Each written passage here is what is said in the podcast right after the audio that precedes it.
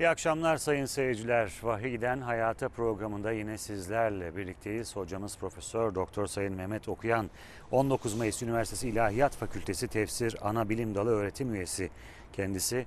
Hocam bu akşam da sizinle birlikteyiz. Gün be gün anlatmaya devam ediyoruz. Bugün konularımızda neler var, hangi suredeyiz? Evet. Bugün e, Araf suresinin başlayıp da bitiremediğimiz bir bölümü yani 88. ayetten 206. ayete kadar ki son bölümü 9. cüzdedir. Ayrıca 9. cüzde Enfal suresinin de ilk 40 ayetlik bölümü vardır. Dolayısıyla bu programda inşallah bu iki sureden bazı ayetleri kardeşlerime hatırlatmak isterim.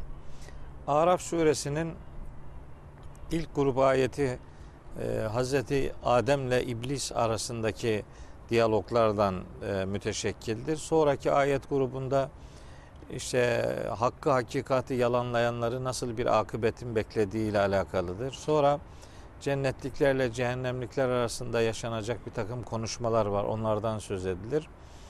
Sonra e, bazı peygamberlerin hayat kesitleri anlatılır. Hazreti Nuh'un, Hazreti Hud'un, Hazreti Salih'in, Hazreti Şuayb'ın hayat kesitleri anlatılır. Ondan sonra işte e, Hazreti Musa'nın kıssası başlar ve Hazreti Musa'nın kıssası uzun uza diye devam eder. O kıssalarda nelerin anlatıldığını tabi böyle bir programda anlatma imkanımız yok. Fakat kıssalardan sonraki bölümlerde Araf suresinin mesela 157 ve 158. ayetleri çok önemlidir bu surenin.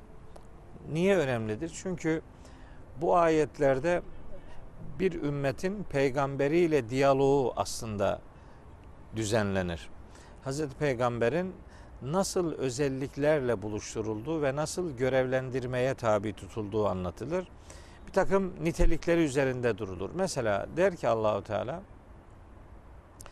Ellezine yettebiuna rasulen nebiyyel ümmiyye. Onlar yani Allah'ın muttaki dediği insanlar Resul, Nebi, Ümmi peygambere uyarlar. Hazreti Peygamber'in üç özelliğine gönderme yapılır.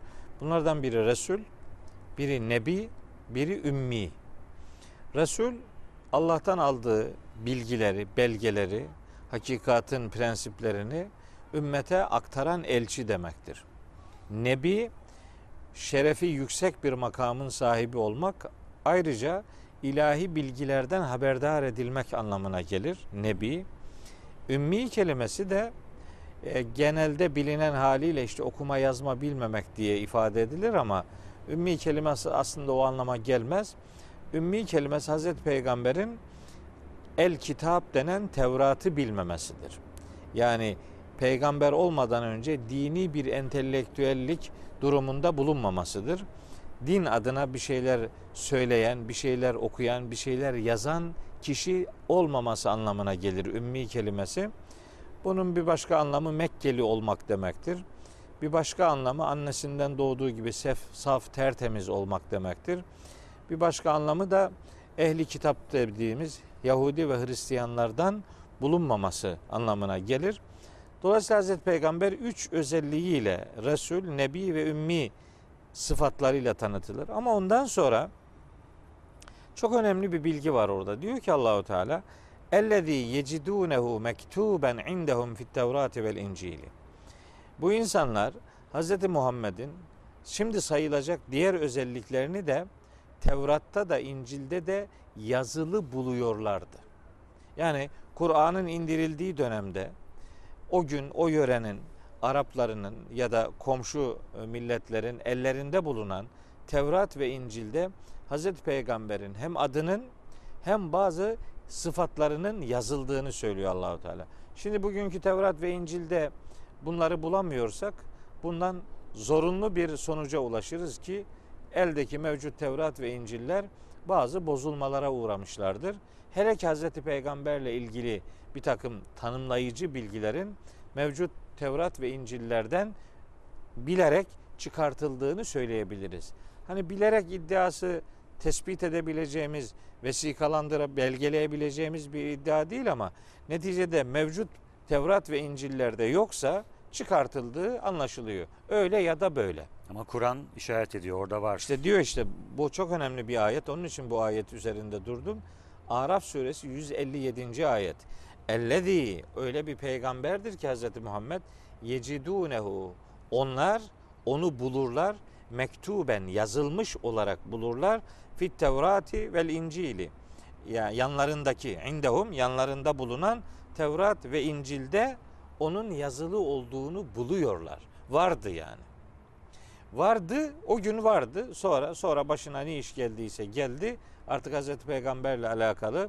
Hatta İncil'de Hazreti Peygamber'in özellikle adının da yazıldığını Kur'an haber verir bize. Saf suresinin 6. ayeti orada Hazreti İsa'ya ait bir sözde diyor ki Allahu Teala ve izgâle İsa ibn Meryem'e ya beni İsrail'e inni Resulullah ileyküm musaddikan lima beyne e, lima ma'akum ve mübeşşiren bi rasulin ye'ti min ba'di ismuhu Ahmet. Ee, ben size ey İsrailoğulları ben size yanınızdaki kitabı tasdik edici olarak gönderilmiş bir peygamberim ve adı Ahmet olan bir peygamberi müjdeleyiciyim.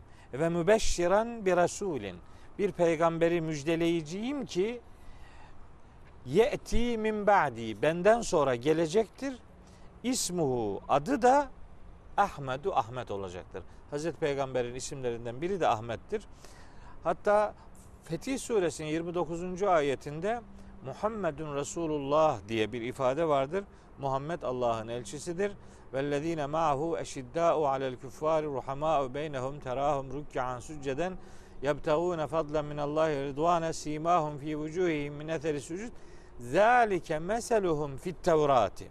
İşte bu müminlerin ve peygamberin örnekliği Tevrat'ta böyle anlatılmaktadır diyor. Tevrat'ta da Hazreti Peygamber'in adının Muhammed olduğu yazılıdır. Hangi Tevrat'ta? Allah'ın indirdiği İsrailoğullarına gönderilen o orijinal Tevrat'ta Hazreti Peygamber'in adı vardı. Nitelikleri de vardı. Üç niteliği. Resul, Nebi, Ümmi niteliği. Sonra başka nitelikleri daha var.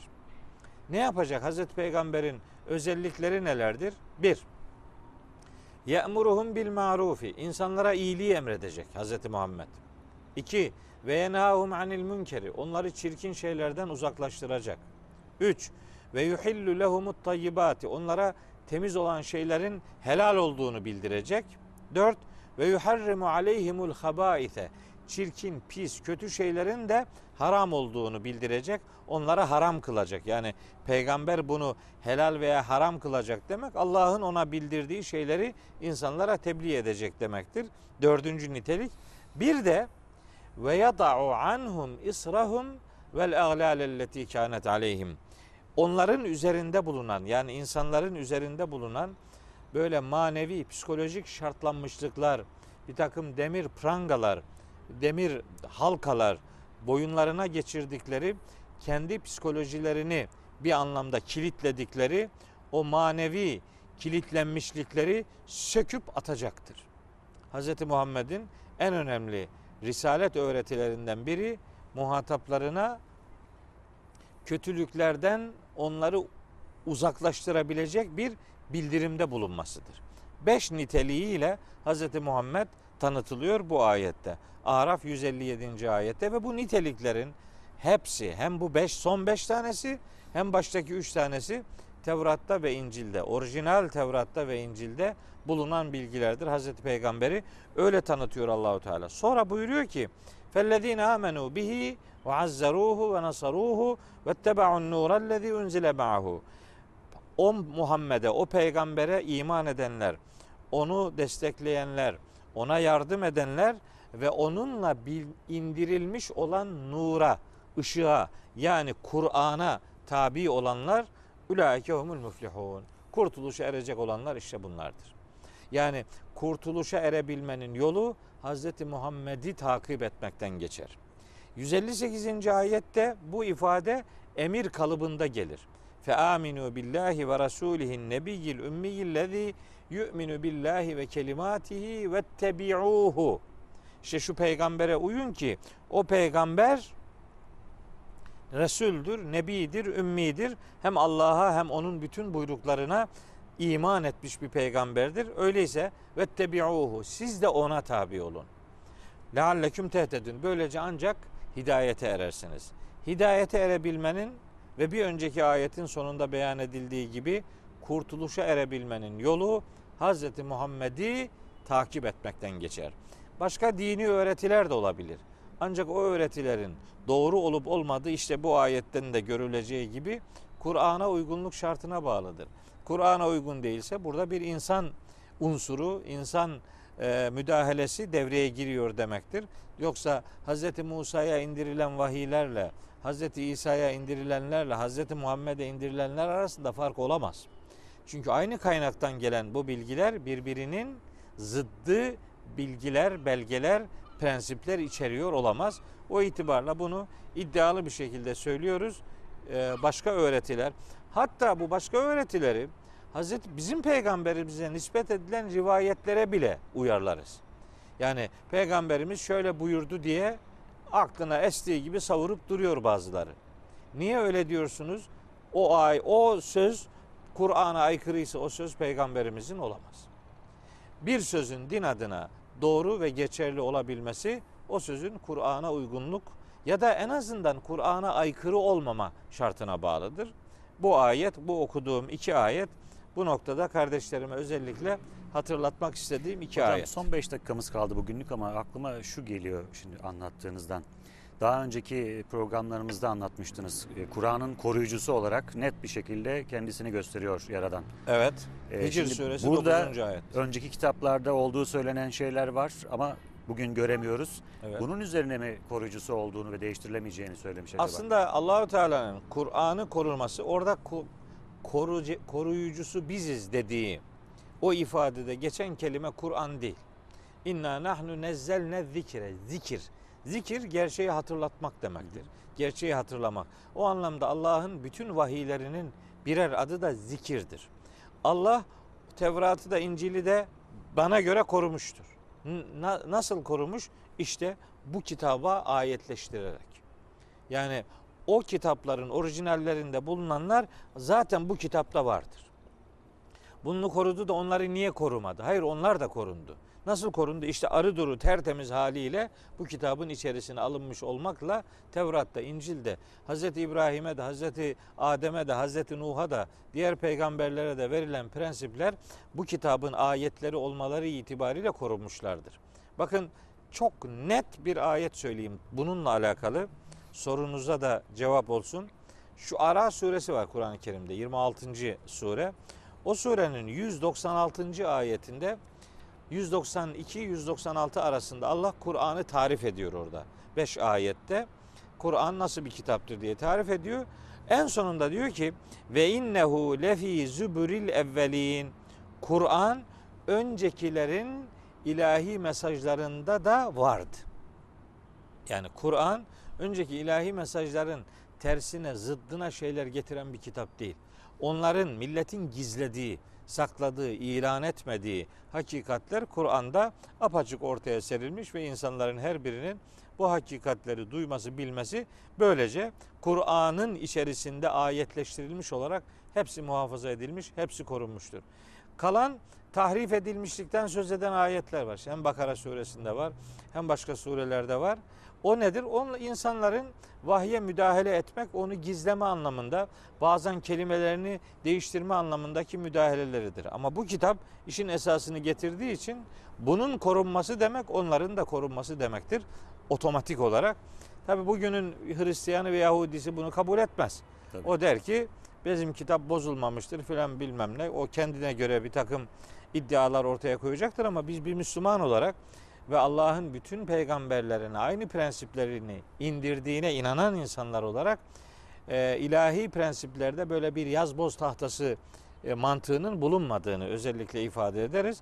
Allah bu vahyi korumakla önceki vahiyleri de otomatik korumuş demektir. Diğer insanların müdahaleleri böylece deşifre edilmiş ve nerede hangi konularda insanların işin içine karıştırdıkları anlaşılmıştır. Hazreti Peygamber'i anlatan ayetlerle ilgili bölümleri demek ki gizlemişler, tahrif etmişler. Hocam Bugün gibi aşikar. Süremiz doldu maalesef. Enfale geçemedik. Ee, bir ayetin numarasını söyleyeyim. Buyurun. Ee, hiç olmazsa enfale geçemedik. Araf suresinde 187. ayet, 188. ayetler var. Kardeşlerimden rica ediyorum. Bu kıyamet alametleriyle alakalı bir sürü esip savuruyor sağda solda insanlar.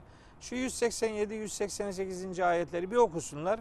Bakalım kıyametle alakalı Kur'an ne diyor, onlar ne diyor? Bir karşılaştırma yapsınlar, bir mukayese yapsınlar.